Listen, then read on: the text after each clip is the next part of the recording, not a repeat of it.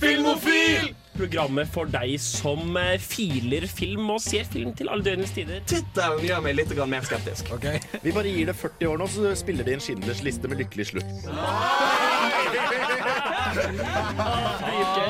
Så vi får se. Men da har vi en sammenligning mellom Ja, ja, ja. Mike Hansburger og Tom Cruise. Bare hør liksom, synopsiset, for dette er kanskje det mest Tim Burton jeg har hørt om okay, på lenge.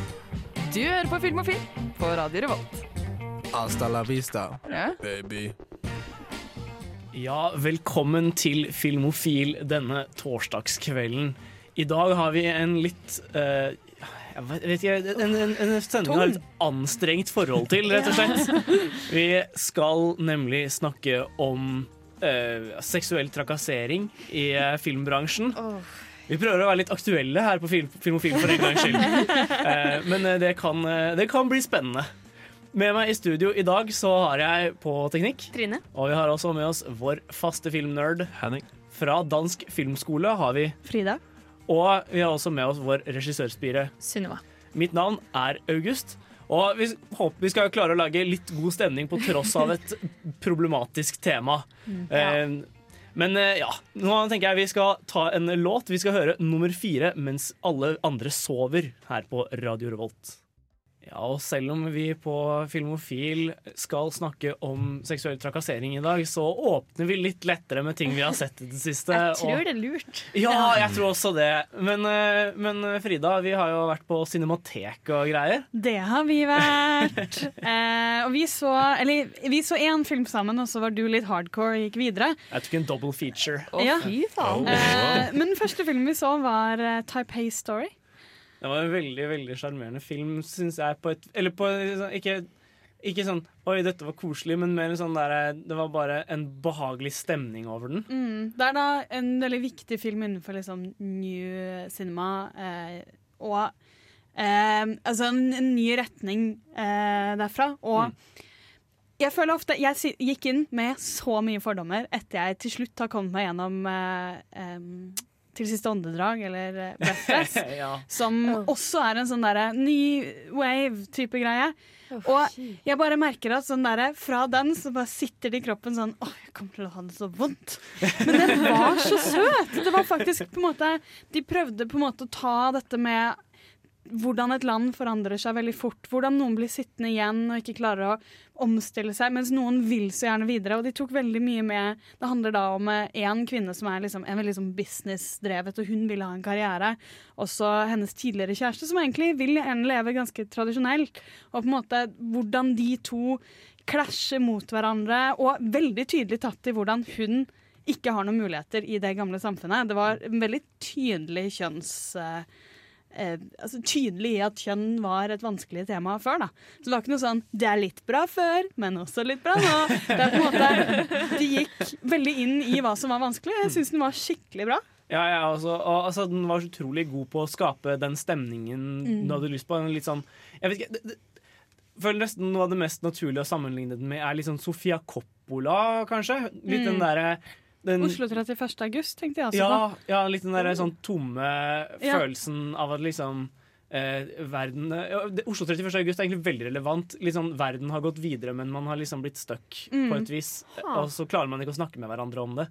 Det er en utrolig, utrolig fin film. Jeg fikk veldig lyst til å se mer Edward Young etter å ha sett den. Eh, enig. ja. Eh, så hvis Cinemateket setter opp Yi-Yi eller et eller annet sånt, så kommer jeg til å løpe av gårde. Men den filmen jeg så etterpå, var også ganske fascinerende. Ja. Jeg så en eh, anime som heter In This Corner of the World. Å, jeg ville se den, men jeg hadde ikke tid. Nei, den var jeg må, jeg må innrømme at jeg ble litt skuffa, fordi den, altså, den er satt til eh, en av nabobyene til Hiroshima under andre verdenskrig. Det handler om en eh, liten jente som gifter seg da, til, eh, eller fra Hiroshima som gifter seg med en mann i den nabobyen. Og så på en måte ser vi historien om andre verdenskrig fra hennes ståsted. Og mitt problem med den var nok både litt at den ble, den ble litt sånn disnifisering av det, for all del var det noen utrolig fæle scener der. Men siden de hele tida er i nabobyen, så blir det litt sånn derre Oi, se hvordan disse menneskene klarer seg gjennom krigen, da, dere. Er ikke det litt fascinerende? Uh, og liksom masse fokus på det søte ekteskapet deres, og hvordan liksom Ja, det er jo litt hyggelig selv om det er krig, da. Eh, nei. Ja. oh. og Og man venter kanskje litt på uh, Grave of the Fireflies.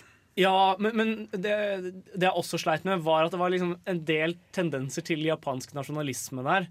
Som også er liksom ganske kvalmt, Ja. eh, synes jeg, da. Eh, nasjonalisme generelt er kvalmt, og, og japansk nasjonalisme er ikke noe bedre enn all annen nasjonalisme. så det var, liksom, det var aspekter ved filmen jeg hadde skikkelig problemer med. Men ja, eh, i, i bunn og grunn så er det en godt animert film, og den har som sagt øyeblikk som slår skikkelig hardt fra seg. Så verdt å sjekke ut hvis man får muligheten. Men eh, ikke, ingen Ikke løp! Nei. Sånn. Men eh, ja, jeg tenker det er på tide vi tar en eh, liten låt ja. før vi skal høre alle de andre har sett i det siste. Vi skal høre John Rice med 'Lovin' You'. Ja, og Her på Filmofil snakker vi fortsatt om hva vi har sett i det siste. Og Trine, hva har du sett siden forrige sending? Jeg har vært på kino. Uh, Jeg har faktisk vært på kino. Herregud, Det er dritlenge siden, men jeg fikk nettopp støtte for Lånekassen. Så det er liksom bare yay! Jeg var på kino på den store kinodagen. Så så jeg en film som jeg vurderte å se på Ramaskrik. En film som heter Happy Death Day. ja. Jeg er litt okay. glad for at jeg droppa Happy Death Day på Ramaskrik og var så Hands of Love i stedet for. For å si det enkelt. For det er liksom bare Filmen ble så dum til meg. Det bare ting, Enkelte ting funka, for det liksom, den har jo den Groundhog Day um, uh, Tingen med at liksom, du sta hun starter dagen om igjen etter hun blir drept. Så hun er liksom nødt til å finne ut hvem som dreper henne.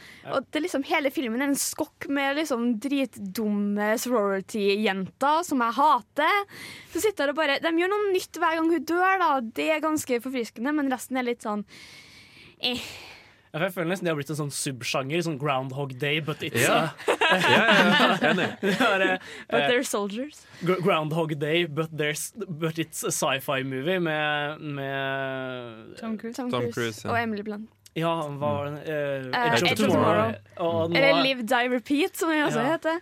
og nå eh, Groundhog Day, but it's a horror movie. Yay! Akkurat Age of Tomorrow gjorde det jo veldig bra. Det der med å dø mange ganger. ikke sant? Ja. De gjorde en vits av det hvor de visste sånn fem dødsfall på tre sekunder. eller hva Det var for noe. Det var jo kjempeartig. Jeg tror ikke Groundhog Day skal få være første gang den ideen ble funnet opp. Altså. Jeg tror det er en gammel sci-fi-trope. Ja, det kan godt Vi kan godt gi den til Groundhog Day. Jeg må bare skyte den. Jeg har sånn en liten ting En sånn liten ting til som jeg har sett nå Eller som jeg jeg så eh, natt til i dag Fordi jeg hadde bursdag i går.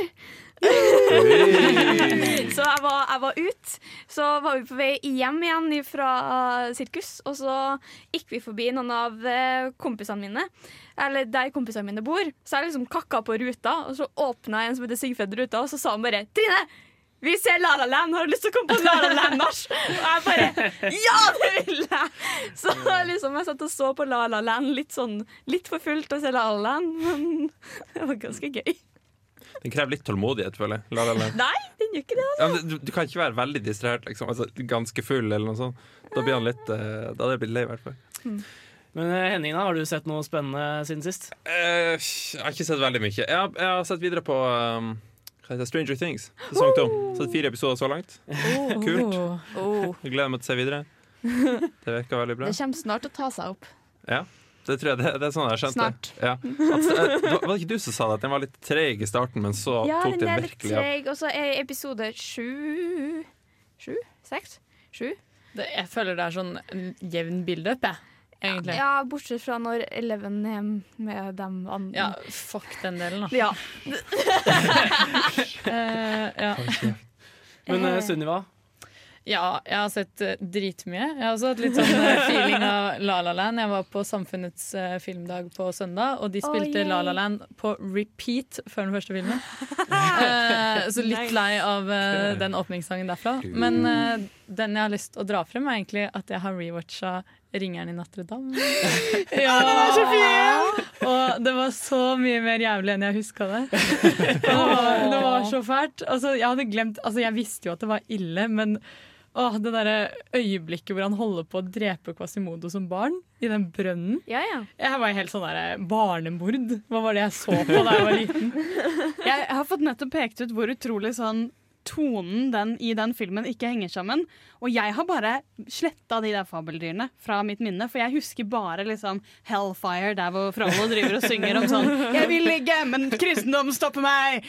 Men så har du også liksom samtidig de fabeldyrene som bare fucker litt med liksom Nei da, det er wacky hijinks, men vi driver også og brenner hekser på bålet. Ja. Det bare, jeg er også veldig veldig glad i den filmen. Han der fortelleren også bygger jo litt opp under den derre Wacky hijinks. Men han er på en måte mye mer vevd inn i historien. Ja, som det. der, den derre eh, Vi setter et litt sånn der glad ansikt på å bli eh, folkemyrdet. Og det er på en måte ja. sånn han holder på. Det spilles mye mer opp i historien. En annen ting som jeg hadde på en måte lagt litt på hylla med den filmen, var egentlig musikken. Fordi, jo, men sånn, det ligger sånn der, Jeg satt og tegna mens jeg holdt på. da Fordi at Jeg skulle egentlig komme hjem fra skolen og ha litt sånn beroligende session med fargelegging og ringende Notre Så Eh, og så bare går den musikken, og den er så intens. Og den slutter jo aldri å være intens. Den er intens i halvannen time, liksom. Det stopper aldri, unntatt når det er sånn musikk, eh, musikalinnslag. Da. Ja, det, var jo, eh, det var jo en viktig liksom, contender da vi hadde liste over beste animasjonsfilmer også. Oh, Nei, må du begynne opp den igjen? Men nå skal vi høre en låt. Vi skal høre Christian Grostad med On The Run. Ja, og nå er det på tide å få høre litt film- og fjernsynsnytt fra den store, vide film- og fjernsynsverden. Og Henning, har du noe på lager til oss denne uken? Ja, jeg har alt med til temaet. Ah, Så, nei. så, nei, jeg, skal- jeg skal ta det ganske Yes. kort. Vi snakka nok om det forrige uka, føler jeg. Men kjapp uh, recap kan du se om det som har kommet fram siste uka. Første overskrifta mi er 'Kevin, Kevin, Kevin'. Det er Space vi snakker om. Det er ikke noe særlig Altså, Det, det er en ny sak. da Det er en kvinne som har eh, gått ut med og sagt at, hun har, nei, eh, unnskyld, at han har skjenka hennes 18 år gamle sønn og, og tafsa på han. Uff, Så kunne, det- kunne jeg ikke spart alt det her til temadelen, Henning? Skal jeg gjøre det? Kan vi bare hoppe ut? Ja, jeg for det er liksom, Vi skulle ha det koselige først, og så kan vi Men ta en kjapp. Det har skjedd mye i uka, og det er Ja. dumt å late som. Ok. Eh, Netflix har sagt at de ikke vil ha noe med han å gjøre. Japp. Uh, Så of Cards blir ikke å fortsette med mindre han trekker seg. Ja. Eh, Han skal klippes ut av den nye Ridley Scott-filmen All the Money in the World. Han skal klippes ut, og den nye- altså scenen skal spilles inn på nytt. Ja. Den er ferdig Så- innspilt også. Ja, ja, den ja, ja, den er ferdig. Den skal komme 22. desember, er datoen egentlig egentlig skal slippes. Og Ridley Scott har sagt at de sikter på å treffe samme dato. Men det skal litt til. Det som er veldig fint med liksom House of Cards-scenen, at nå, det bildet som er fra House of Cards, er av Robin Wright. Hun som spiller kona hans. Nei. Så det er liksom Det, det er liksom skikkelig kvinnebasert. Nå er jeg bare sånn yes! Han dør av screen. Det er det som går ut. Ja. Terry Cruise uh, gikk ut på Twitter eh, i starten av oktober og la ut om en, en hendelse da, hvor en mann som han selv beskrev som høyt i Hollywood, uh, antasta han. Han gikk bort han og tok han i skrittet og smilte og, og var veldig ekkel med han. Ikke sant? Og Han og kona var, var vitne til det. Han var selvfølgelig vitne. Eh, Unnskyld. Um, men nå har han uh, gått til politiet med det her og anmeldt denne personen uten at uh, det blir navngitt. Mm. Og det føler jeg er veldig bra. Ja, det er veldig godt at dette følger noen, offent eller noen sånn skikkelig juridiske kanaler også. Absolutt. Ja, for det, det virker som veldig mange sier nå eh, På en måte sier jeg det offentlig, sånn at de ikke bare kan liksom børste det bort. Men veldig mange går jo faktisk til politiet, Ja. og politiet setter av større da, altså, har satt av større ressurser til å etterforske alt dette som skjer. Mm. Det er jo en veldig fin, eh, en fin utvikling. Det er det. Ja. Videre, Uh, Charlie Sheen Jeg er også anklaga for det. Så, altså, Men var det en surprise? Nei, nei, det, det er selvfølgelig ikke det. Men det er jo stakkars folk som har blitt tvunget til å jobbe med Charlie Sheen, selv om ah, produsenten hans har tenkt Ja, ja, ja, han voldtar og voldtar. Så er det jo fortsatt masse produksjonsassistenter som blir utsatt for han. Og sett bort, ifra, sett bort fra den saken der, jeg ville ikke Jeg tror jeg hoppa i havet enn å vært på samme båt som Charlie Sheen. Altså, jeg vet, Ja. føler meg en fæl fyr. Nei, eh, jeg skal ta litt uh, mer munter nyheter her. Vent litt, da. Vent, vent, vent. Vent.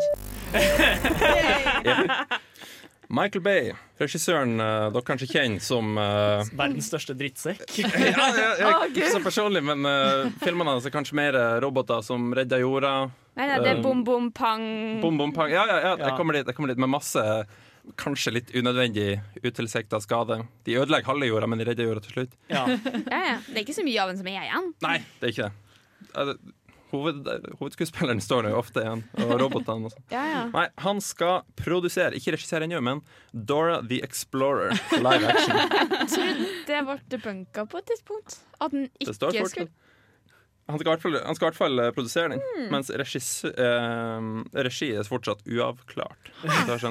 Han, kan, han kan regissere den, men det er ikke han som har manuset, og han kommer ikke til å få manuset heller. Så det kommer ikke til å Være så mye eksplosjoner. Nei, ikke jetpacks og laservåpen og sånne Hun har jo jetpack, har hun ikke det? Ryggsekk har hun. Hun er en skoljente. Stemmer det. for jeg syns jo en, det kunne være en av de få måtene å faktisk gjøre en Dora the Explorer-film litt interessant på. Enig. Liksom, altså, jeg, vil mye heller se en Michael Bay Dora the Explorer-film enn en Ja. Michael Bay Transformers-film til. Ja. Det, er faktisk det sant. mildt. Det er faktisk sant. Eh, poeng. jeg, jeg er jo av den oppfatning at Michael Bay har, har sine sider. Jeg syns for eksempel Pain and Gain er en utrolig fascinerende film. Uh, men Transformers-filmene hans er bare dritkjedelige. Så han må liksom Jeg vet ikke, han må, jeg syns han burde gå over til å gjøre litt mer sånn Ja, andre ting. Men det er ikke det som trekker penger. Ikke det Teenage Mutant Ninja Turtles. Det, Hei, jeg er veldig glad i. Armageddon, liksom. Det må jeg komme med.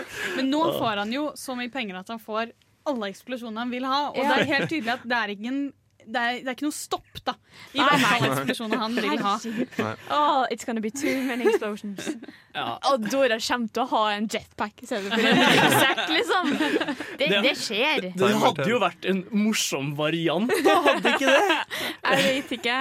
Sånn Totally Spice-aktig flyr av gårde med jetpacken sin. Nei, ikke sammenligne med Totally Spice. Totally Spice er faktisk eh, halve min barndom, så den vet jeg ikke helt om. eh. Men eh, nå skal vi høre en låt. Vi skal høre Ought med These Three Things, etterfulgt av en liten pause. For et program i burra med både klasse og stil. Du hører på Filmofil.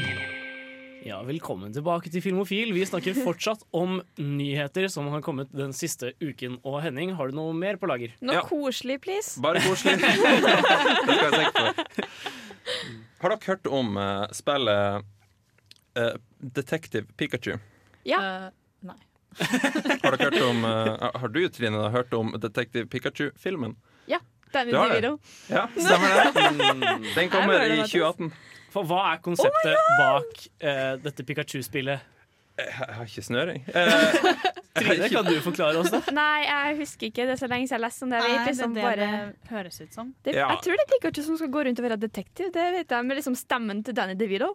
ja, det stemmer det. Så det, liksom, det høres jo helt magisk ut. Det er ikke helt Jeg vet ikke om jeg bør se den. Jeg kan ikke si jeg har trua på den filmen. det ja, jeg, jeg er skeptisk. Altså, brettspillfilmer er jo notorisk dårlige, med unntak av Clue. Ja, Men, eh, men, men dette høres jo litt ut som et slags et spill som kan minne om Clue, i og med at det er noe detektivgreier. Ja, Men er Clue et er direkte basert på Agatha Christie. Så det de har gjort, er å på en måte lage nye Agatha Christie. Dette høres mer ut som det kommer til å bli Emoji-filmen. Og Ja, den er vi enige om at det ikke gikk så bra. Ja, ja, Film, den eksisterer vel ikke? Den har jeg har aldri hørt om Ikke heller. Ikke heller. Jeg tror ikke, jeg tror ikke de slapp den filmen. Nei. Ridley Scott har gått ut og sagt at den nye Alien-filmen skal handle om artificial intelligence, og ikke så mye om xenomorph, altså det velkjente monsteret. Har ikke alle Alien-filmene på et vis handlet om artificial Jo, intelligence? de har, de har handla om det. Jeg føler at, Nå har jeg ikke sett den nyeste eh, Covenant, men jeg, der, sånn som jeg har skjønt det, så var halvparten av filmen om han der David. Ja. Han spilte av Michael Fassbender. Ja. Uh, og jeg føler at han har vært i en sånn overgangsperiode. Og nå rev han av plasteret, liksom. Og sa artificial intelligence. Det er veldig unødvendig, veldig unødvendig film. Herlighet, altså. Ja, Jeg hadde faktisk gleda meg til den. jeg, føler, eh, jeg føler Ridley Scott eh, burde Eller han, han er ikke helt på topp for tida. Nei. Nei. Det, det vil si, jeg syns jo, jeg syns jo The Martian var god stemning, men bortsett fra Ja. det, så er det liksom Ja, han har ikke, han har ikke vært helt i slaget. Han svinger vel ofte litt opp og ned, da. Han har jo på en Mm. måte Ja. noen store, og så rett etter sånn Oh my god, kanskje du bare skal gi deg. Hvorfor, hvorfor gjør du det her? Og så plutselig kommer det noe som er helt fint igjen. Mm. Så altså, ja, at han er inne i en dårlig periode, er vel kanskje riktig måte å si det på. Men snart kommer det fire Avatar-filmer, folkens. Så slapp av, slapp av. Kommer. Oppturer. Jeg er veldig skeptisk eller jeg er, veldig, jeg er veldig forsiktig med å være så skeptisk til Avatar sine oppfølgere. Fordi er det Ja. én person i verden som har vist at han kan lage oppfølgere, så er det Jo da, James jeg har troa altså. på liksom, den første oppfølgeren, men de to neste, derimot Eller kanskje vi på en måte skal slutte å si at han er god til å lage oppfølgere. Han er veldig dårlig til å lage første film. ja, så har han noen gode andre filmer. Eller han har jo hoppa på liksom midt i et Ja, par sant. Aliens, for eksempel. Ja. Ja. Mm. Tok over etter selveste Ridley. It og Get Out har gjort 2017 til eh, det største året i skrekkfilmens historie. Oi! Oi, oi. Ja, de har raka inn 733 millioner dollar Wow. seg imellom. Det er jo veldig kult at Get Out er en av de, for den er Ja. vel mye mer lav... Det er jo, som vi har sagt om i lavbudsjettsendingen vår, ofte Ja. skrekkfilmer som liksom raker inn. Ja. Men der er det jo litt mer sosial kommentar, da. Ja. Ja, Enn. It, kanskje. Ja, jeg, jeg, det er jo sosial kommentar i Get Out. Mitt problem med den er kanskje at den sosiale kommentaren føltes litt sånn tom. Det jeg dro hjem, eller det jeg dro hjem med, med som budskap ut av den, var liksom eh, Hvite folk er bare de verste. Eh, og, men svarte folk er ganske OK. Eh, og jeg vet ikke hvor, liksom, hvor mye det beriker på en måte diskusjonen, da. Ja, jeg, føl, jeg føler at som du sier egentlig, at budskapet var liksom ah, det finnes rasister. okay. Budskapet er vel på en måte Det er vel sjelden veldig viktig i skrekkfilmer. Kanskje heller på en måte konstruksjonen av liksom hvor kjipe folk kan være, og når de bare Altså hele, for å spoile litt her, men grunnen til disse menneskene for å drive med noen helt sinnssyke mengelegreier på svartfolk, så får de jo spørsmål på slutten sånn vi bare starta med å hate svarte, vi vet ikke helt hvor det gikk herfra. Så på en måte Kanskje kommentaren er mye mer hvor på en måte, ille ting folk kan bli hvis du ikke liksom gir dem noe motstand. da. Og man kan jo være enig om at det er nyskapende innen skrekkfilm uansett. det. er Det, Ja, ja. En ting, altså, er, det, er det så mye en skrekkfilm, egentlig? Jeg føler at altså, når, når du sier skrekkfilm i dag, så tenker du jumpscares og sånn, liksom. Og det var vel, et, det var vel to sånne klipp i den filmen der. Hvor det var sånn høy lyd, og noen som gikk inn i bildet og sånn, liksom. Men ellers så var det mer ideen Altså, jeg syns ideen var kjempeskummel. Mm. Bare tenk å ende, i den situasjonen. Mm. Oh. Jeg vil ikke spoile, selvfølgelig, men faen.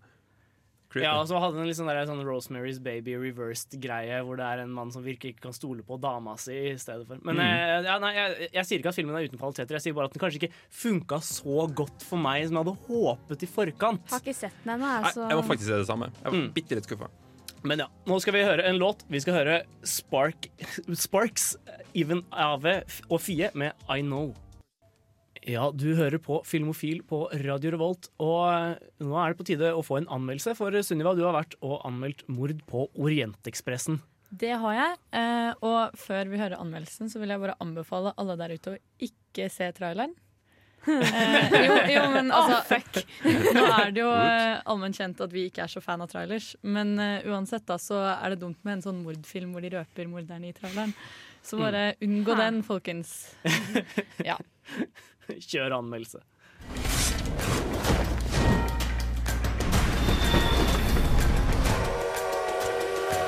Would you mind if I join you? You're the world famous detective, Hercule Poirot. Avenger of the innocent. Is that what they call you in the papers? And you are innocent? You're fun. Nyinnspillingen av mordet på Orientekspressen hadde absolutt ikke noe nytt å komme med. Med utgangspunkt i en sofistikert og spennende bok med god oppbygning, ble det en film fullspekket av drama, action og korte slutninger. Historien handlet om Poirot, en belgisk og verdensberømt detektiv som bruker sine små grå for å løse innviklede mordgåter. Etter en ferie i Istanbul befinner han seg på den tre dager lange reisen med Orientekspressen tilbake til London. Men det som skulle bli en behagelig reise, ble alt annet enn det når toget sporer av i Alpene og det i tillegg blir funnet et lik på hans nabokupé.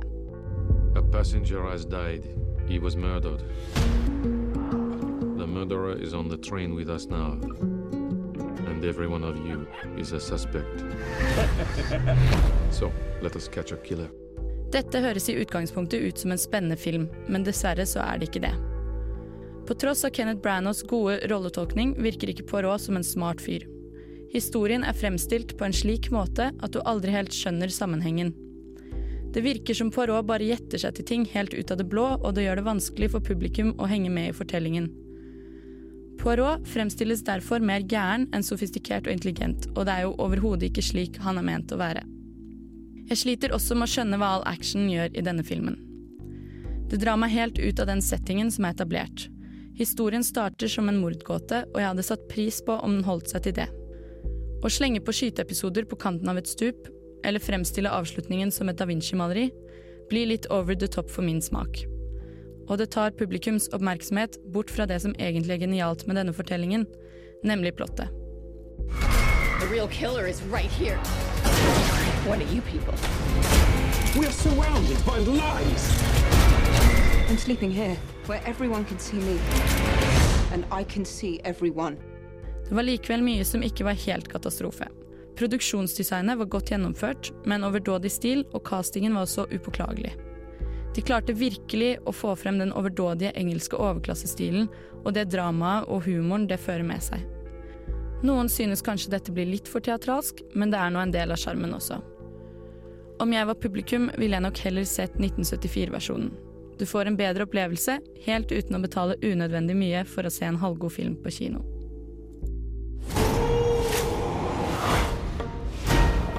Man was rummaging around my cabin in the middle of the night. You are certain it was a man? I know what it feels like to have a man in my bedroom.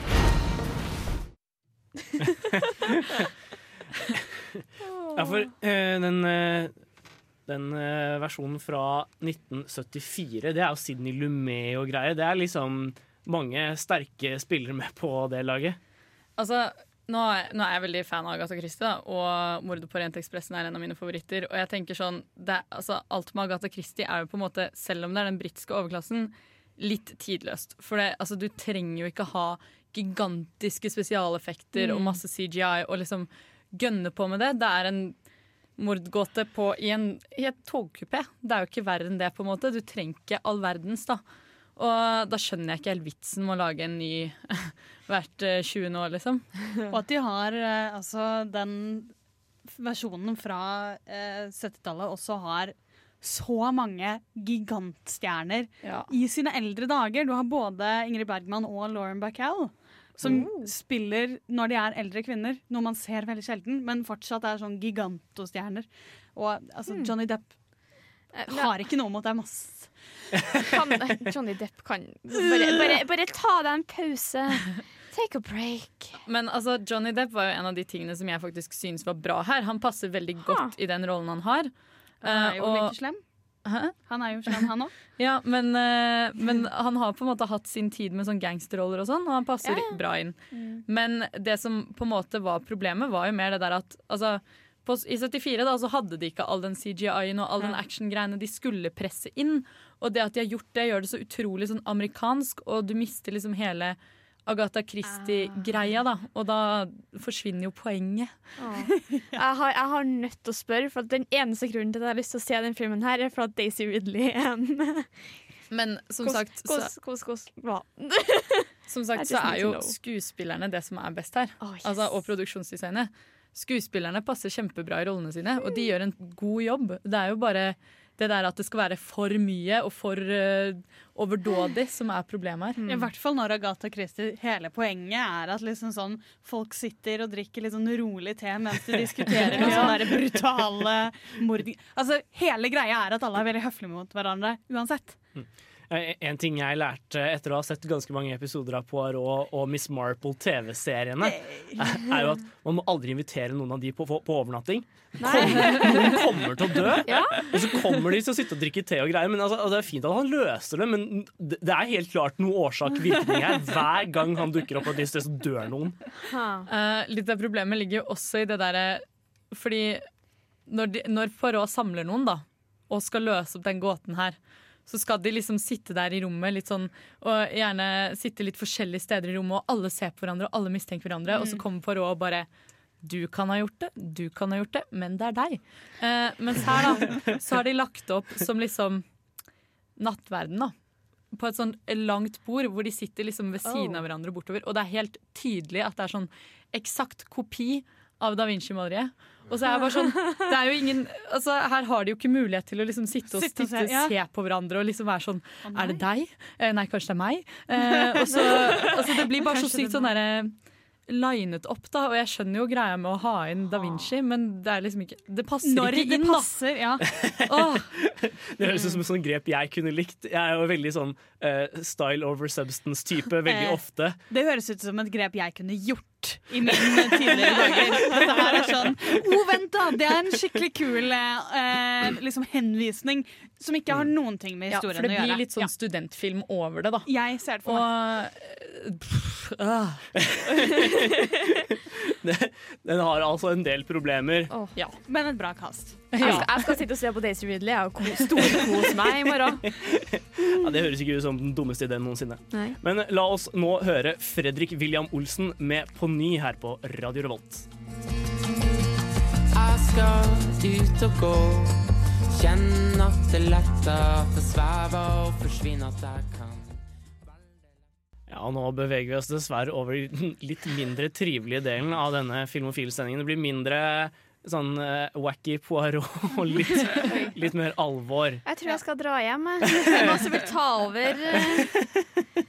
eh. Vi kan jo være helt ærlige om at vi har gruet oss litt til å gjøre denne sendingen. Vi, da vi snakket om det forrige uke, så var alle enige om sånn ah, Ja, det er god idé. Det burde vi jo med en gang vi hadde bestemt oss, så var vi sånn Fader heller, da! Da må vi snakke om det. Så for dere, vi skal ikke bare snakke om alle kjipe tingene som har skjedd. Vi skal også snakke om hvordan det systematisk har vært lagt opp til Noe som ikke gjør det bedre. Men det er ikke bare, eh, men det er ikke bare å snakke om alt som har skjedd. Men vi skal vel starte med hva som har skjedd. Ja, Vi må jo nesten begynne der, for alt eller Snøballen begynte vel egentlig å rulle med Harvey Weinstein. Eller Weinstein. Uh, mannen bak The Weinstein Company. Uh, og ja, han, er en veld, han var, var en veldig viktig skikkelse i Hollywood. Uh, filmene hans vant Oscarer over en, over en lav sko. Eh, og plutselig nå så kom det fram anklag... Eller det begynte med e- én anklage. Det skal vel sies at anklagene har ligget der hele tiden. Ja. Så det er Ja, ikke ja. helt klart for noen hva som skjedde nå. Det er mange som har anmeldt han. Og det er jo mye av problemet her, at mange som går og anmelder, blir ikke tatt med til retten. Fordi dette er folk som har rett og slett for mye penger, så du har ikke råd til å kjempe mot dem. Og spesielt i seksuell trakasseringssaker så er det Ja. også spesielt vanskelig å få en dom. Så, men plutselig så var det et eller annet som skjedde, og hvem vet egentlig? Eller jeg har fortsatt ikke klart å finne liksom, hvorfor tok man det seriøst nå? Ja, det er liksom når, når Seth MacFarlane kan kødde om det der på Oscaren for fire år siden, da merker du liksom bare Alle sammen vet om det her, men ingen har lyst til å gjøre noe med det. Det starta kanskje ikke i Er det ikke meg? Jo. Inn. Eh, Hallo. Ja. Det start... Og det der er skikkelig Hva i all verden er det som skjer? Det er rart. Det funka, ja, ok. Det starta kanskje ikke i, i Hollywood i seg sjøl, men kanskje Jeg, jeg tenker han eh, Det er kanskje Hollywood. Hva heter han? Eh, tenker du Bill O'Reilly? Nei, Bill. Bill, Bill Cosby. Bill Cosby. Ja. Cosby og O'Reilly. Så det starta kanskje ikke akkurat med noe rundt Weinstein, men, men heller, heller et større bilde. Men forskjellen den gangen er jo også det at én har blitt til mange. Og Mm. når så mange har gått rundt og støttet opp rundt det og vært sånn nå er det tid for å ta dette her opp, så kan de ikke feie det under teppet lenger. da, Fordi at det er så mange store navn. Og det er sikkert mange som tidligere har følt seg for på en måte utsatt i sin karriere til å kunne gå frem eh, fordi de kanskje mister jobber. Ja. Men, og blir bannlyst fra bransjen, mens nå så er de såpass etablert at de faktisk kan backe den storyen her. da. Og så begynner det å bli så mange, så du slipper å stå Det er nok også en veldig viktig ting at eh, Harvey Weinstein har jo både um, angrepet så utrolig mange, så det er liksom Ja. ikke Mm. én du kan bare slutshame til hun holder kjeft. Det er så mange som støtter hverandre. Og i tillegg så er det jo også noe med at det kommer fram at han har brukt produksjonsselskapet sitt aktivt i den i å liksom finne damer og fått produse- altså produksjonsassistentene sine til å hjelpe han med å ja, nei, han skal møte en skuespiller, og så sender de dem til hotellrommet hans isteden. Sånn, det er jo ikke bare engang én fyr som er slem. Det er en hel industri som syns at dette her er helt greit. I hvert fall ikke stoppa det. Og i hvert fall ikke Ja. sånn, Dette må vi nesten leve med, for han lager jo veldig gode filmer. Det er vel egentlig problemet. Mm. Altså, jeg bare tenker det sjokket når du kommer til den hotellromdøra og han står der i badekoppet. Bare- Eller liksom naken. Ja, det er liksom, det, det bare Og ejakulerer i en potteplante. Ja. Er altså, Mens han holder igjen døra, var det ikke det? Ja, og jeg tenkte på det. Det var noen som påpekte den. Hvorfor vet alle sammen hva en casting couch er? Hvorfor skulle vi som ikke har vært Jeg har ikke prøvd å bli kasta i en film. Hvorfor skjønner jeg den vitsen?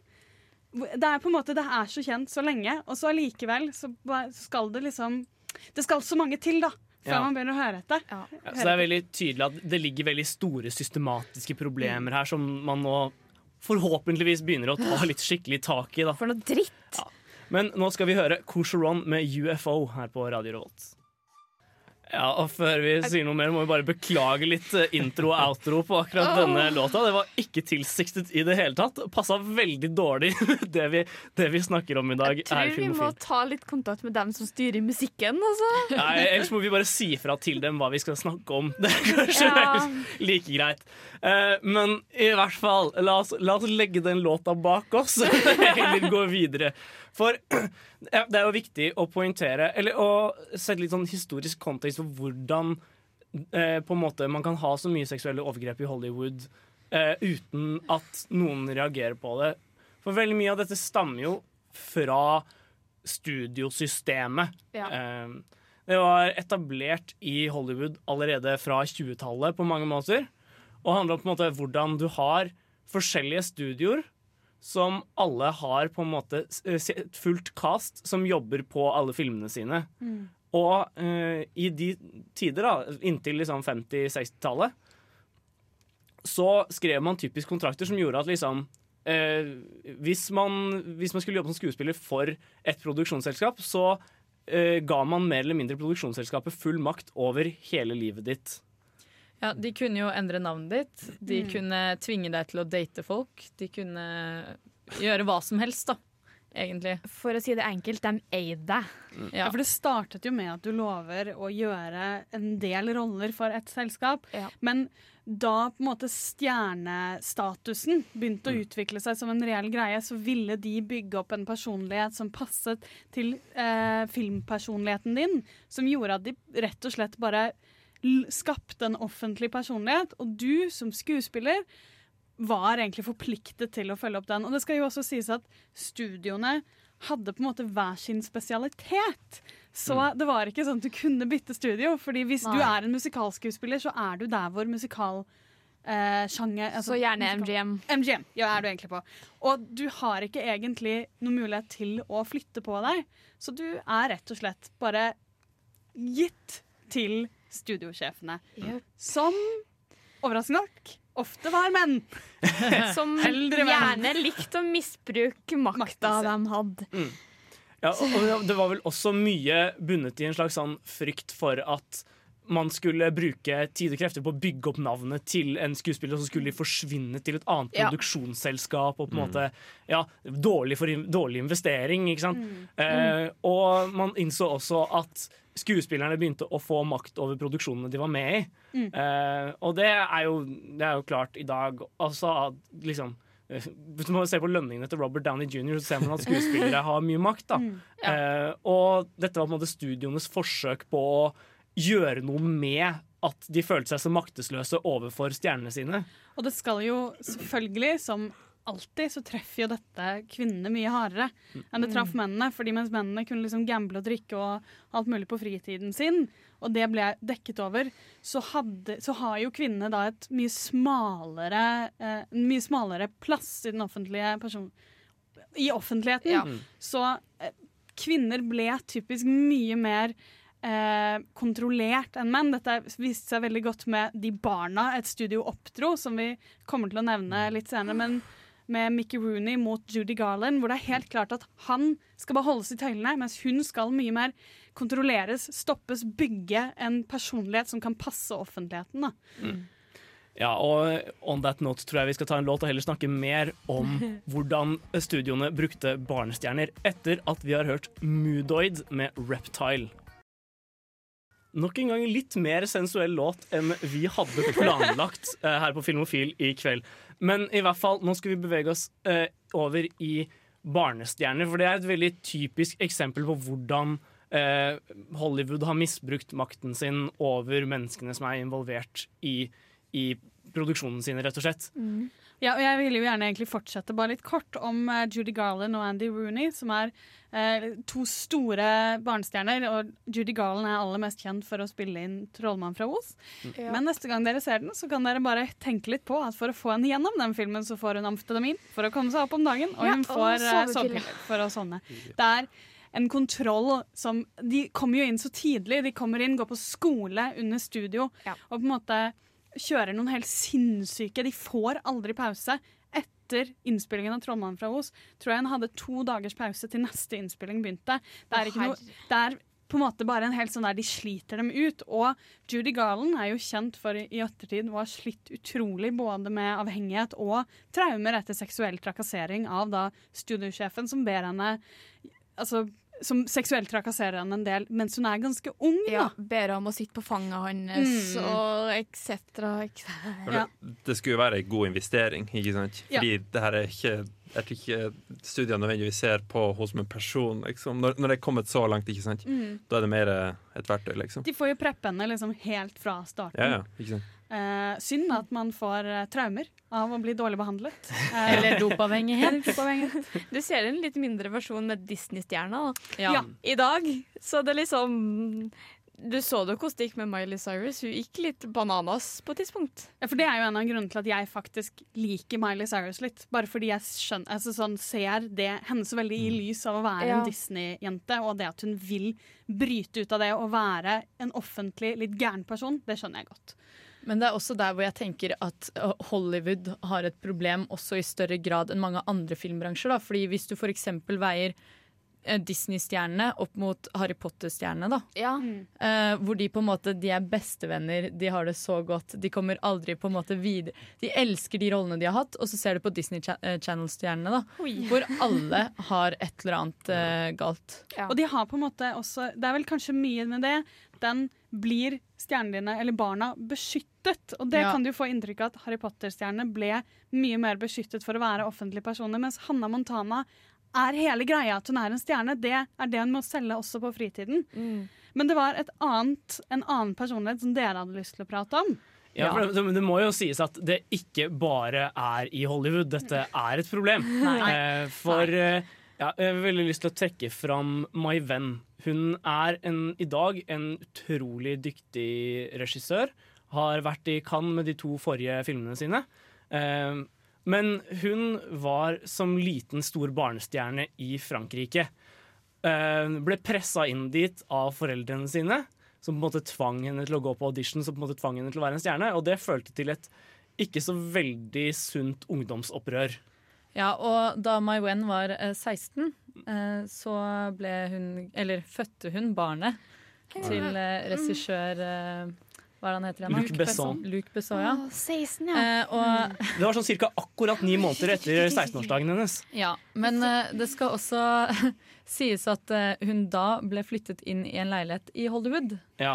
eh, hvor hun og barnet bodde de neste årene, og hun ble ganske skjermet fra hele bransjen Mm. for å oppdra barnet deres da, som 16-åring. Og de giftet seg også. Og, men eh, fire år etterpå, da hun ble 20 og innspillingen på Det femte element begynte, så fant Luke Besson ut at det er jo egentlig mye kulere å være sammen med Mila Jovovic. Ja. Så da ble det slutt, da. Sitter han som 20 år gammel med en fireåring. Nei, nei, nei, nei, nei, nei, nei, I et fremmed land uten å ha kontakt med foreldrene sine. For de hater hun også. Ja. Så ja, eh, barnestjerner er et problem ikke bare i USA, for å si det mildt. Men hun har vel fått en Hun har jo fått det bra nå, og for eksempel så har hun jo lagd Police, hvor hun snakker, tar opp mye av uh, mye barnemishandling da, Mm. uh, gjennom filmen sin. Og hun har jo snakket veldig mye ut om det her, og hvor vanskelig det var å lage den filmen. Så hun Mm. har jo fått litt anerkjennelse i ettertid, da. Ja, hun har vel også sagt at arbeidet med filmen ikke var verdt det fordi det var så vondt for henne, rett og slett. Oh. Men eh, eh, nå skal vi høre en låt. Vi skal høre Porches med Find Me. Ja, og et av aspektene som eh, har gjort seksuell trakassering til på en måte ja, så utbredt som det er i Hollywood, er den såkalte Hollywood makeover. Og Hva innebærer egentlig dette, Frida? Det innebærer det Vi har tatt ut bare fordi det er det mest ekstreme formen for kontroll over en person. Det er at Hollywood, når de lager en stjerne, så skal de forandre også utseendet og navnet til stjernen. Man vet jo veldig godt at Marilyn Monroe het ikke Marilyn Monroe, hun het Ja. Norma Jean Mortensen. Og at på en måte sånn, de bygde opp Marilyn med denne store At de bleket håret hennes og liksom skapte hele personligheten hennes. Men det beste eksempelet på det, som jeg kan komme på, det er Rita Hayworth. Som rett og slett de fjernet Hun er egentlig meksikansk, har en utrolig fæl barndom også, med mye seksuell trakassering, spesielt fra sin egen far, som solgte henne til studiosystemet, basically. Som fant ut at men vi kan ikke selge en meksikansk skuespiller. Vi må gjøre en hvit. Så da har de basically De har eh, gitt henne masse sånn hudblekning på, den, eh, på det nivået som det var på 40-tallet. De har også gitt henne masse laseroperasjoner for å flytte hårlinjene hennes oppover. Fordi lave hårlinjer ses ikke på som hvitt nok. Så det er liksom kontroll på et nivå hvor de Og da også kaller henne Rita Hayworth i stedet for det hun egentlig het, som jeg akkurat nå mistet. Eh. Nei, jeg husker det ikke. Men det er liksom, de fjerner jo selve mennesket. Og bare Hei, la oss forme vår egen lille ting her, sånn at vi har kontrollen over det. Altså, noe med at det på en måte blir litt rettferdiggjort gjennom at, de, at yrket deres er skuespiller. Mm. Fordi jobben deres er på en måte å spille roller uansett, så hvorfor ikke spille en rolle resten av livet? Hun heter egentlig Margarita Carmen Cancino, og det høres jo altfor meksikansk ut, rett og slett. Det er jo mye Kulere navn! Det er kjempefint! Det er bare det er liksom Hvorfor fjerne mennesket, liksom, og lage noe sjøl? Det, det er jo så dumt. Det er jo tilbake til profitt, ikke sant? Hvite, hvite folk og hvite navn, hvite utseende særlig bedre, særlig på den tida. Mm. Hvertfall ikke- Altså, Men- ikke meksikanere. Ja, jeg blir bare så ufattelig provosert av å høre på det her. Og en ting som jeg lurer veldig på, er egentlig hvordan dette kan ha pågått i typ 100 år uten at noen Har gjort noe gjør, med det. gjør en dritt. da Fordi at det er jo ikke første gang det har kommet en skandale. Det, liksom, det har vært der mange ganger. Det, ja, du nevnte jo så vidt Cosby i stad, eksempel. Altså, det kommer jo opp jevnlig liksom en skandale her, en skandale der. Og så bare blir det lagt dødt, og det kommer liksom ingen vei, og ingen tar noe tak i det. Og politiet blir betalt, eller eh, staten blir betalt for å ikke gå videre med søksmål, og eh, åh! Jeg, jeg tror det er mange ting som er i spill her. For, altså, noe av det vi prøver på denne sendingen, er jo å etablere på en måte de strukturelle rammene som har latt dette skje. Men jeg tror nok det er en del andre ting som spiller inn. Eh, for det første så er det det at eh, når man først har blitt rik, så er det veldig lett å lure rettssystemet i USA. Oh, Eh, men hvis man er rik og kjent, så vil eh, er det mye større sjanse for å bli frikjent. Altså, tenk på Nei, OJ, for eksempel. Eh, men, men også Bill Cosby har jo faktisk blitt frikjent nå, eller i hvert fall i første omgang, da, fra anklagene mot seg. Eh, en annen ting er at jeg tror veldig mange har lyst til å fortsette å tro på Hollywood-drømmen. Mm. Drømmen om på en måte hvordan eh, hvis, vi, hvis man bare blir liksom eh, Det er jo en del av den amerikanske drømmen, det å liksom komme til Hollywood og bli kjent stjerne, og alle skal uh, forgude deg og sånn. Det er Ja. Jeg, jeg, tror, jeg tror den drømmen er veldig seiglivet. Og i tillegg, eh, den kjærligheten man har til kjente personer, det Mm. skal jeg innrømme at jeg har kjent på, som egentlig har likt Kevin Spacey, og har måttet liksom Ja. daske meg selv litt på hånda. Sånn, nei, men selvfølgelig har han gjort det. Man går inn i fornektelse i stedet for å på en måte omvende, eller skifte syn på en du allerede er glad i. Ja. Og siden det er stjerner, så er det mange som er glad i dem. Mm. Og da blir det veldig vanskelig å få en jury til å dømme dem, Mm. rett og slett. Men eh, ja, nå skal vi heller høre en låt. La oss høre 'Dissolve' her på Radio Revolt. Ja, der fikk dere Chloe med 'Dissolve'. Mer passende sang. Yeah! ja. Yay! Men eh, i hvert fall før vi hørte den, så snakket vi her på Filmofil om The Hollywood Makeover, og hvordan det kan brukes til seksuelle overgrep. Og kongen av The Hollywood Makeover må jo kunne sies å være Eddie Mannix på mange måter. Og hvem var Eddie Mannix, Frida? Eddie Mannix eh, var ansatt for MGM ganske lenge, eh, rundt 30 år, som en såkalt fixer. Og det han gjør da, er eh, åpenbart å dekke over skandaler, og mye av det er på en måte hva skal du si? Mye av det er dekke over at hovedkjekkasene deres er kjempealkoholisert og driver og gambler og Eller homofile. Mange som også er homofile, som dekker over og går veldig hardt inn for å på en måte gjøre det dere vil, men der borte. Ja. Ja, poenget her er jo at man skal som vi har snakket mye om tidligere, målet var å på en måte skape en stjernepersona. Og med en gang skuespillerne gjorde noe som ikke var i tråd med stjernepersonaen deres, så måtte det jo dekkes over på et eller annet vis. Dette her er jo også veldig godt poet, po, po, portrettert eh, i Hale Hail Cæsar, som kom i våres. Er det godt portrettert? Nei, altså, det, det er akkurat det, da. Ja. Det er jo portrettert at han dekker over ting. Ja. Men på en humoristisk måte, som jo fjerner hele alvoret med det her, da. Mm. For bare for å ta en av de kjente sakene, det er at en uh, ung skuespiller ble ansatt for å være Hun visste ikke hva hun var ansatt for å være, men uh, servere på en fest som MGM da holdt. Og hun ble uh, skjenket, altså holdt fast og tvunget i henne alkohol, og dratt ut på en parkeringsplass og voldtatt. Å, Av en sånn salgsdude fra Chicago. Ja, og for å ikke uh, på en måte ha, få det til å Patricia Douglas heter hun. Eh, og for å på en måte dekke over den skandalen, så har han bare fått henne så altså, Det er jo åpenbart bare slutshaming. Altså sånn Nei, hun var litt med på det. Alt mulig. Så han skrøt i ettertid av at han uh, had her killed, som han sa selv. Å, fy faen. Det, det er liksom Etter det jeg har lest meg opp på, så er det liksom MGM liksom store slem. Liksom Skurken. Ja, de er jo det. Og jeg merker at jeg blir så sint på Cohen-brødrene, som jeg ellers liker. Ja. At de har tatt altså djevelen sjæl. I hvert fall en liten del av djevelen. Ja. Og valgt å framstille han sånn der wacky hijinks, for det er ikke det han holdt på med. I det hele tatt. Nei, fordi Hail Cæsar var egentlig en film jeg syns var ganske morsom. Jeg òg! Til jeg innså hvem Mannix egentlig var. Og det gjør det bare så utrolig mye verre. Og den filmen har fått så mye oppmerksomhet, mens andre filmer som Det kom f.eks. en dokumentar i 2007 om alt det jævlige Mannix gjorde. Hvem har hørt om den? Ja, dekket Oi, faen, jeg må begynne å tenke over anmeldelsen jeg skrev her filmen. Oi da, jeg skreit litt for mye om den filmen. Men den er jo morsom. Den er jo liksom. kjempesøt. Det skulle bare vært noen andre enn Mannix de port portretterte, da.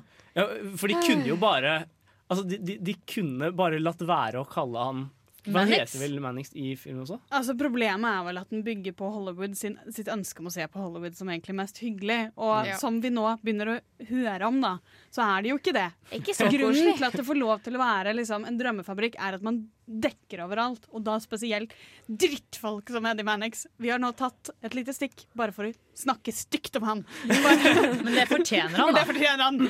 Kompensere for Cohen-brødrenes mangel på Ja, ja. aggresjon overfor Hollywoods mørkere kapittel. Og det var jo, det må jo sies at filmen fikk litt kritikk for det da den kom også, men mest i forhold til liksom Ja. Eh, andre aspekter ved den. Å, hadde jeg bare Men ja. visst. La oss heller høre en låt. La oss høre Duggerin med Pally her på Radio Revolt. Hei, dette er Nikolai Kleve Broch. Eh, Jeg vil bare si, hør på Filmofil, så får du med deg mye bra stoff om film. Ja, Nikolai kan få sagt det, altså. Enten film eller filmbransjen. Kan sakene sine.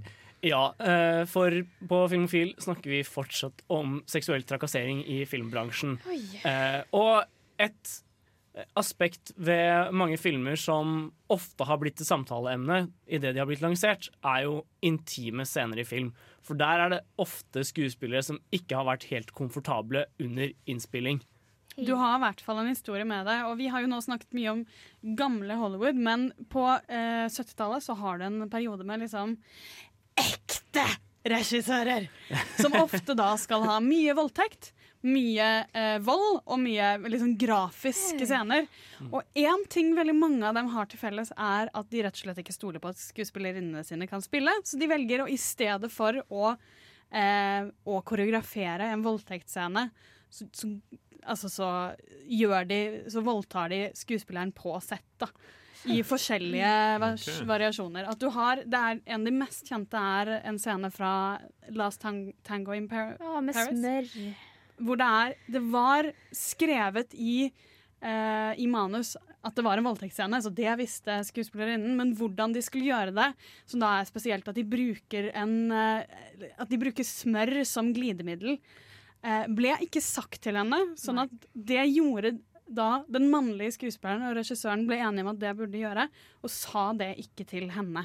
Og det er jo en voldtekt. Det er jo noe selv regissøren har sagt i ettertid, men nå prøver de å trekke det litt unna, fordi nå har de jo fått oppmerksomhet igjen.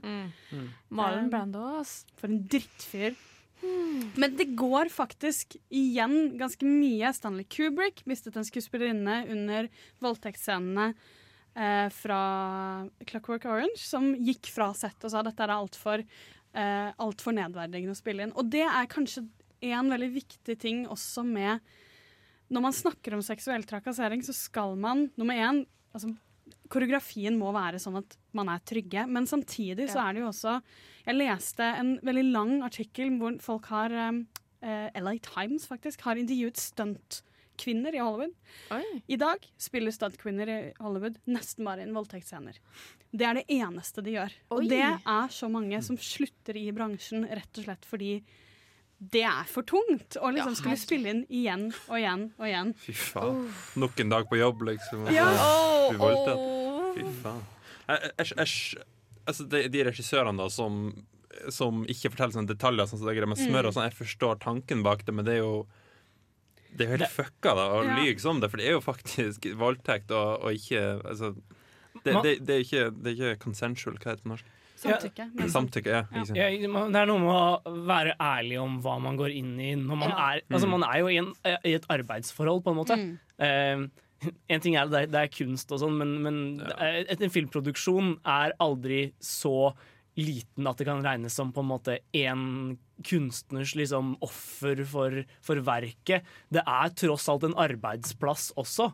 Eh, og ja, jeg føler det er en del av, en, en av et av aspektene man ofte liksom glemmer i disse sakene. da. Men altså, kunst skal jo ikke inneholde voldtekt heller. Altså, altså, uansett om film blir regnet som kunst, så innebærer jo ikke det at det er lov å voldta. Og I tillegg så er det jo ikke en kunstner som velger å bli voldtatt. Noe som har skjedd. Det er flere kunstnere som har laget kunst av det, men dette her er en Mm. kunstner som velger at noen andre skal bli voldtatt. Ja, altså Kunst skal ikke inneholde voldtekt. Det kan selvfølgelig ha tema om voldtekt og faktisk voldtekt, men ikke, det skal ikke være faktisk voldtekt bak. Så, altså, som er produsert for verket, ikke sant? Det blir feil. Også så mange store som gjør det også. Det er så sinnssykt provoserende at enhver regissørhelt nesten OK, jeg skal ikke dra alle under samme kappe, men hallo! Uansett hvem du velger å ha som forbilde, så er det en eller annen sexanklage mot personen. Ja, altså Ah. jeg må jo bare si at En av mine yndlingsfilmer, 'Blå er den varmeste fargen', har jo begge skuespillerinnene gått ut i ettertid og sagt at det var så nedverdigende og skikkelig vanskelig å spille inn, og at han regissøren pushet dem på en måte som begge to ikke var trygge med i det hele tatt, som absolutt burde kalles eh, seksuell trakassering. Ja, og der var det også noe med at de Eller en, en ting som ofte går igjen i forbindelse med, med, med sexscener sånn i nyere tid, er det at man rett og slett bare holder i gang tagningene så lenge Mm. at man til slutt blir så sliten at man liksom glemmer litt hva man driver med. Mm. Og så bruker de det til å få de perfekte shotsene de vil ha. Ikke sant? Og det er liksom ikke, det er ikke greit, da. Ja, for det er jo det. Nå, på en måte, dette her er jo en veldig annen greie enn det vi har snakket om før, som er studiosystemene som på en måte tar over. Men dette her er jo faktisk det motsatte, nettopp for kunsten. Mm. Så sier, og eh, han som regisserte 'Siste tango i Paris', sa det jo best med 'Jeg vil ikke ha hennes reaksjon som skuespiller, jeg vil ha den, hennes reaksjon som kvinne'. Og det har du ikke lov til å be om, rett og slett. Kan vi komme oss unna voldtekt nå? Snart. Ja, men eh, vi skal snakke mer om på en måte den store kunstneren eh, etter at vi har hørt Company Inc. med Eat Your Ropes.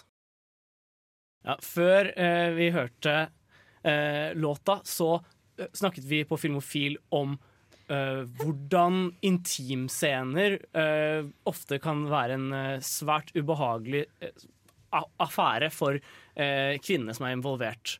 Og eh, mye blir rettferdiggjort i kunstens navn, og det bringer oss videre til det store geniet, og hvordan vi veldig ofte har veldig altfor store problemer med å si liksom nok er nok til ja, de store kunstnerne som Mm. har forgrepet seg på noen, men som tross alt lager så god kunst. Altså, jeg, jeg syns jo det er veldig Det er jo mange som har pekt, det, pekt på det, at nå er Hollywood sånn at Weinstein kan gjøre det han har gjort. Og så har de nettopp gitt Casey Affleck en, off, en Oscar. Som, som har vært Han har kjøpt to kvinner ut av retten for å slippe å møte retten om seksuell trakassering, men det er helt klart det han har gjort. De har Roman Polanski mer, som har rømt fra USA for å slippe unna fengsel for seksuelt misbruk. Altså, det er jo akkurat det at så lenge de er liksom store nok Og der har du kanskje det der med at geniene Det er andre folk som forsvarer geniene, enn de som forsvarer disse store businessmennene som Weinstein. Da.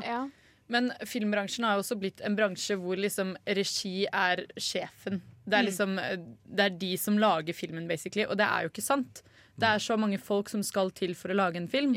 Og de får et mye mye høyere stjernestatus enn det de på en måte fortjener. Selvfølgelig, de puller alt sammen, på en måte, men Ja. eh, hva hadde de gjort uten kameramann, da? Eller eh, stjernen med det fantastiske ryktet? Altså, det er ikke bare de, da.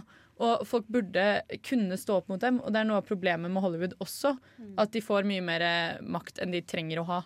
Det er jo de som sitter i stolen med megafon. Ikke sant? Det, er liksom, Ja. det, det er de som er bildet på en film. Høye sant? Høyest Men det- stemme, rett og slett. Ja, ikke sant? Ja. Men det er, jeg tenker at det, det er litt forskjell på Hollywood sin reaksjon og publikum sin reaksjon. Ikke sant? For de her, de her too big to fail-folkene, ikke sant? Woody Allen og sånn, der er det jo også publikum som ikke reagerer. Selv om de vet veldig veldig godt akkurat Woody Allen. ikke sant? Ja, Alle ja, ja. vet jo hva han har gjort, men ingen som reagerer. Eh, Jeg er litt sånn Så lenge man klarer å skille liksom skaperen fra produktet, så lenge man ikke ser på så lenge man kan se bort fra regissøren på faktiske gode filmer. Det kommer alltid til å ødelegge litt liksom, med alt det som skjer. Men jeg vil fortsatt si at liksom, den og den filmen er bra, men fuck regissøren. Ja, jeg bare syns det, det er også en farlig strategi. Eh, bare fordi det er, de tjener jo inn penger på at vi har lyst til å overse hva, hvem de er og hva de har gjort, og så lager de kunst der hvor de voldtar litt. Og så vil man, og jeg er helt enig med deg, for det er den, det skillet jeg også har prøvd å lage sånn, men kanskje jeg må nyte noen av yndlingsfilmene mine, fordi de er noen av yndlingsfilmene mine, men samtidig så er det faktisk å støtte opp rundt misbruk, og jeg klarer ikke få dette til å henge sammen lage meg en sånn Dette her er reglene for hvordan jeg skal oppføre meg. Ja, jeg har også et kjempeambivalent forhold til hele denne diskusjonen. Fordi, altså, ta Roman Polanski da, som eksempel. Eh, hvis alle hadde nektet han å lage filmer etter eh, at han rømte fra USA, så hadde vi for eksempel levd i en verden uten pianisten. Og jeg hadde jo syntes det var en helt vanvittig trist. eh, fordi 'Pianisten' er en latterlig god film. Samtidig, det er jo virkelig ikke greit å ha sex med 13-åringer. Nei. Altså, jeg har også helt samme problemet, men jeg syns også det blir litt feil å si at på en måte man skal skille kunsten og filmen. Fordi altså, du kan jo oppleve at en film er dritgod, og så tenke men det her er voldtekt. Altså, fordi i noen, det er jo ikke bare å skille liksom en eksempel en politimann i jobb og en politimann privat. Det er faktisk det de driver med, er kunsten som vi Ja. liker. Og dermed så går det ikke an å skille privatlivet deres og filmen nødvendigvis, når overgrepene skjer på film. Og så må jeg altså Det er en ting jeg prøver å minne meg på. Det er veldig ofte man tenker Men herregud, sånn som du sier, hva hvis vi hadde en verden uten pianisten? I, den, I denne sammenhengen. Men hvor mange av de som blir misbrukt, som ikke får laget sin store Ja. kunst? Vi mister faktisk ting som vi ikke vet eller skjønner at vi mister. Og man kan kanskje tenke på det neste gang hvor man står med yndlingsfilmen sin, som flere av oss gjør, opp mot noe vi ikke vet hva er, men at det er viktig å huske på at det er noe der også. Noe som aldri ble laget fordi de ble trakassert ut av filmbransjen. Jeg sliter veldig med det når det kommer til Manchester by the Sea. Fordi, eh, som mange sikkert har fått med seg, så er det favorittfilmen min fra i år.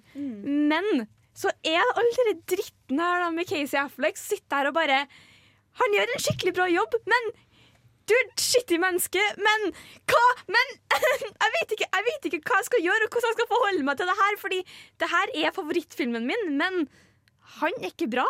Jeg har løst det. Piraten. Bare last ned ulovlig. Ikke gi den. han noe penger. Jeg har kjøpt den. Og, eh, og ikke snakk om den på radio. Nei, jeg kan ikke, jeg kan, jeg kan, jeg kan ikke holde kjeft om Manchester by Si Det går faen ikke. Jeg føler vi har et lost cause akkurat, så ikke snakk om det på radio. Ja, altså, jeg har også helt samme problem. Luc Besson, for eksempel. Eh, jeg elsker Le Grand Bleu fra 1988. Eh, fikk eh, så vite om My When. Og var sånn fuck deg. Jeg kommer aldri til å klare å se den filmen og ha det samme forholdet til den filmen igjen. Mm. Jeg tror kanskje det viktigste her sånn, Nå har vi jo alle sammen sagt at vi også har ambivalent forhold til veldig mye av dette her.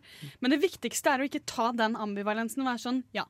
Men da later jeg som det ikke er noe. Nei, for det er det som blir. Det er det vi gjør. Så lenge, så lenge du faktisk tenker på at OK, det er masse, masse masse dritt her. Jeg burde Og støtte opp rundt at de ikke får jobber. Jeg Ja. syns faktisk det er, et, det er et offer som er verdt noe. Jeg skal ikke sitte her og si ja, men Kevin Spacey er jo en god skuespiller.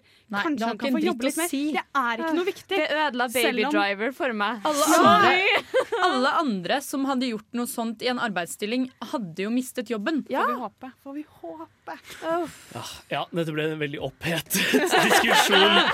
Det er mye harde følelser her. Men ja, la oss høre Emir med 'Faller'. Så skal vi heller snakke mer om hvordan vi skal bevege oss videre etter at vi har hørt den.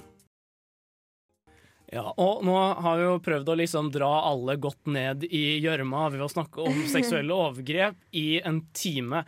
Men eh, vi må også diskutere litt hvor går veien videre herfra? Og du har et par ideer om det, har du ikke det, Trine? Eh, jo, jeg har jo sittet og fulgt med på YouTube, for det er jo ikke bare i filmbransjen det her skjer. For liksom rett etter alt med Weinstein kom, så eh, kom det ut at Andy Signor, som for mange vet er skaperen av Honest Trailers og Screen Junkies, han um, har gjort jævlig mye eh, Veldig Veldig, my, veldig mye seksuell trakassering mot folk som jobber der. Og som det var ei som er dama til han som styrer teknikken på selve programmet. Og uh, Andy hadde da liksom bare trua hun med at jeg kommer til å sparke JTE hvis du ikke gjør som jeg vil. Og han har også snakka mye med fans av Screen Junkies på Twitter, der han har liksom sagt ja, du kan komme deg hit, og så kan du bo på samme hotellrom som meg på natt og se film. Og etc., etc., etc. Og det er liksom Hele den situasjonen der er så ille, for at jentene, de damene som kom ut og sa det her, hadde gått til HR på, til Defy Media, som eier Screen Junkies, for to-tre måneder før det her kom ut. Og Defy hadde bare vi, ser, vi ser på det her, vi ser på det her. Så det bare Det tok så lang tid før de gjorde noe, og til slutt, etter alt det her med Harvey Weinstein, så bare OK, nå må vi ut med det her. Ja, for det her er jo, som du sier, et kroneksempel også på hvordan produksjonsselskapene dekker over feilen Ja. til folk som jobber for dem. Og når de jentene kom til produksjonsselskapet, så har de faktisk direkte sagt at ja, men vi ser etter hans beste. Eh, så derfor, Vi skal granske det, liksom, men vi, vi, vi er på utkikk etter hans beste. Og det er jo helt sjukt å si til noen som akkurat har opplevd seksuell trakassering, at voldtektsmannen eller han som har ja, ja, trakassert deg, det er han som er viktig i denne saken. Ja, og dette, vi, snak, vi har snakka mye om den typen ting, men hva har Screen Junkies egentlig gjort med saken? Ja, de, har, de tok seg pause i sånn tre uker etter nyheten kom. Og så har de satt seg ned med alle de som er med og jobber der, og bare OK, hvordan skal vi gjøre det her til et trygt arbeidsmiljø for absolutt alle som er med? Så de har liksom absolutt alle som jobber for Screen Junkies, har fått eh, eh, seksuell trakasseringskurs. Det er liksom hva som er seksuell trakassering og ikke. Og etter de tre ukene når de holdt på å prate mye, og sånn, så kom de ut med en video på YouTube som liksom bare OK, det her har skjedd, og sånn her går vi videre. Og en psykolog som da også i videoen snakker om hva seksuell Ja, det er. var den andre videoen de la ut. Det er Mm. bare sånn, sånn det, det her er det. Det skjer overalt. Det er bare Dere mm. Ja, en, en ting jeg syns de gjorde som var utrolig fint, var å, å gå til Fordi uh, idet folk har stått fram, så har de jo fått eh, pushback fra fanbasen til Screen Junkies. Særlig de altså, Du kan jo se for deg I type YouTube-kommentarfelt så er det mange gutter mm. som ikke har helt sunne oppfattelser av hvordan verden fungerer alltid. Ja. Uh, og i den, i den unnskyldningsvideoen så sa de liksom OK, de av dere som har klagd i kommentarfeltene, må bare slutte med det. De hadde liksom. jo klagd på at de ikke var tilbake. For at Mm. Jeg tror den meste av fanbasen til Screen Junkies, der er for så vidt var en del av, og er fortsatt en liten del av, for at jeg elsker moviefights. Mm. For det er en av de morsomste tingene jeg ser på, selv om det er litt ødelagt nå pga. Andy. Men det er liksom Alle støtter liksom opp mot dem som kom ut. Alle, host, alle dem som liksom står foran kamera for Screen Junkies, har liksom bare Jeg kommer ikke tilbake før Defy faktisk gjør noe med det her. Jeg vil ikke tilbake og jobbe her hvis de ikke gjør noe. Og forhåpentligvis så kan jo andre lære av det de har gjort. Og Ja. være såpass, det å være såpass ærlig med det og faktisk snakke om det, gjør jo at man uh, har mer lyst til å se på det igjen. da. Ja.